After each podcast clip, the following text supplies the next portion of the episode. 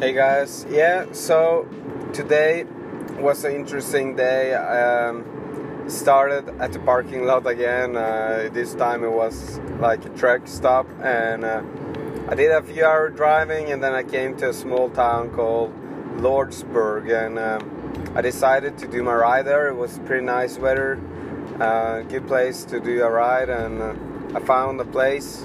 I found a road that didn't seem like it could be a lot of traffic there. Uh, but however, you know, when I started, it was pretty trafficy and it wasn't that many cars, but they were just passing like really fast, like probably like 80 miles per hour, which is like 120 kilometers per hour. They were going fast and there were not really any shoulder there. Um, so um, it was actually kind of sketchy. I didn't really like it. It was kind of like I went like 45 minutes and I I felt really unsafe.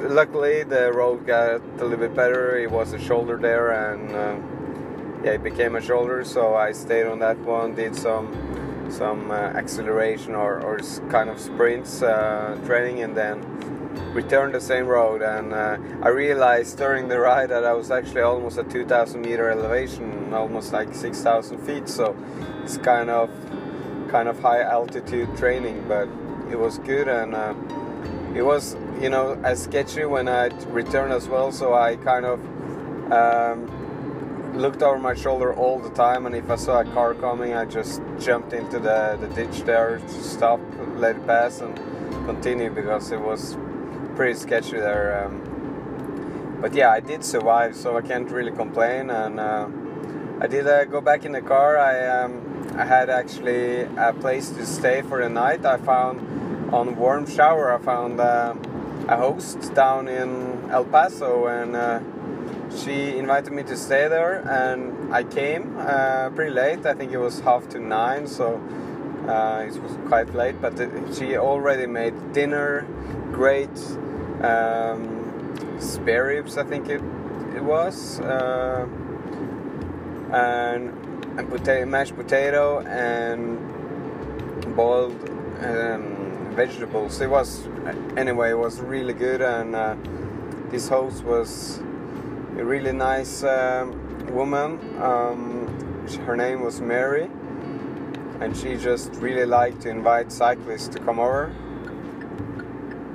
So um, yeah, she really found that inspiring to talk with uh, strangers, kind of uh, just people with a little bit different perspective on life. And uh, she said that uh, you know it was just as valuable for her to have uh, people coming over as for the people that actually get a place to stay and served dinner. So it was a really, really nice woman, and I really enjoyed the stay there. And um, I made a short interview with her, talking a little bit about the issues about the region. You know, it's next to Mexico border, and yeah, a little bit about why she wanted to be a warm shower host. So enjoy the interview.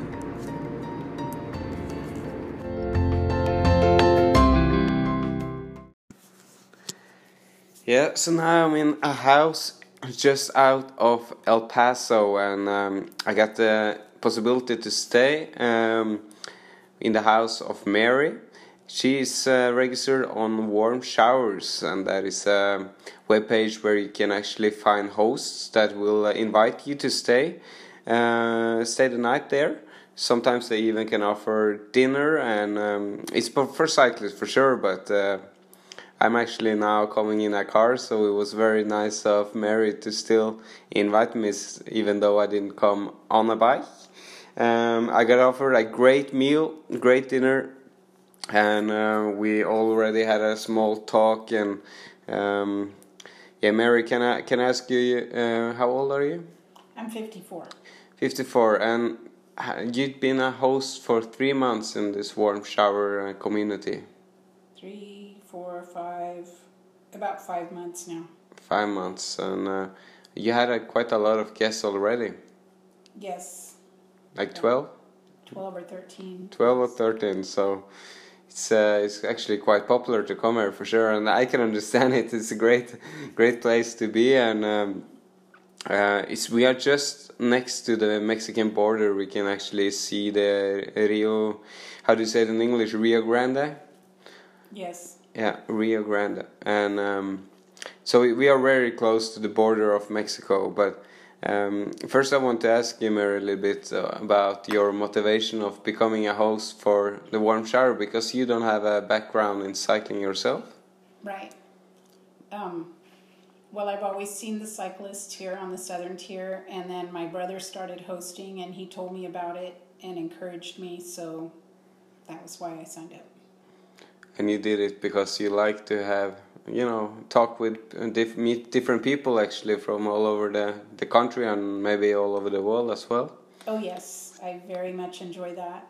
Um, it's been very enriching to me that's good to hear that it's actually you have some kind of benefits also well while you actually yeah service very well these people that are need a that need a place to stay for the night so it's it's great to hear for sure um, I, I'm, you know, uh, I'm ambassador of Hope for Justice. As I told you, I do this uh, journey. I call it the Hope Journey, where I try to raise a little bit awareness on modern slavery and this uh, region is quite an interesting place uh, that you probably heard a lot about the human trafficking and uh, problems with the yeah with the immigration illegal immigration uh, yes. Is that something you, you can see yourself there uh, these problems um, I haven't seen much of that personally here recently I I know I've seen a lot of illegal immigration throughout my life here. Um, as far as human trafficking, I haven't seen it personally. I do hear about it though, because it's, I think it's one of the major issues about immigrate uh, illegal immigration here. Yeah, because before it was actually quite open uh, border lines. You can actually almost just walk over. Maybe you can yes. still if you're um, a little bit smart of where you actually go. It's it's quite easy to cross the borders there. Yes, the riverbed is dry and you can just walk. Yeah, so so it's kind of um, it makes a little bit of sense why uh, the U.S. want to control the borders better. Um, uh, because yeah, there are probably issues with people coming across and bringing drugs and other products as uh, in the sex industry as well. They they bring people over in human trafficking. Um, yes. So before they they started controlling the borderline, they actually it was more criminal criminality and a crime is it called crime in uh, El Paso was it? Yes. Um, yeah. You can talk to most people that have uh, from this area, and they could tell you there was a lot more petty crime in El Paso before the fence went up. Yeah, but it's only a part of this area that are fenced. You don't have fences yes. all the way. Right. To the to the sea on the other side. No. Right. So a little less than a mile from here, the fence ends. Mm. And um, I know people that have seen a lot of people crossing, um, even men with young girls and uh, drug traffickers hmm. things like that.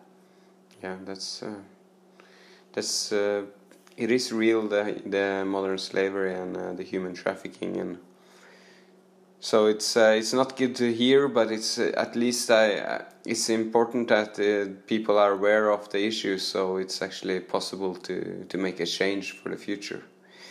So. Um, I am. I'm going to stop our uh, small interview there. I tomorrow I'll, I'll, hope actually to do a small ride in the area and maybe take a couple of photos from the borderline. I don't think I will pass the Mexican border, even though you say it's not that difficult uh, legally as well. You can go through the on the roads, mm-hmm. uh, but it will probably be a long queue to get back at least. So. Um, gonna stay in the U.S. side, but uh, I'm I'm looking forward to you know uh, good night of rest after staying a couple nights in the back of the car. So so I really appreciate the opportunity to come here, Mary.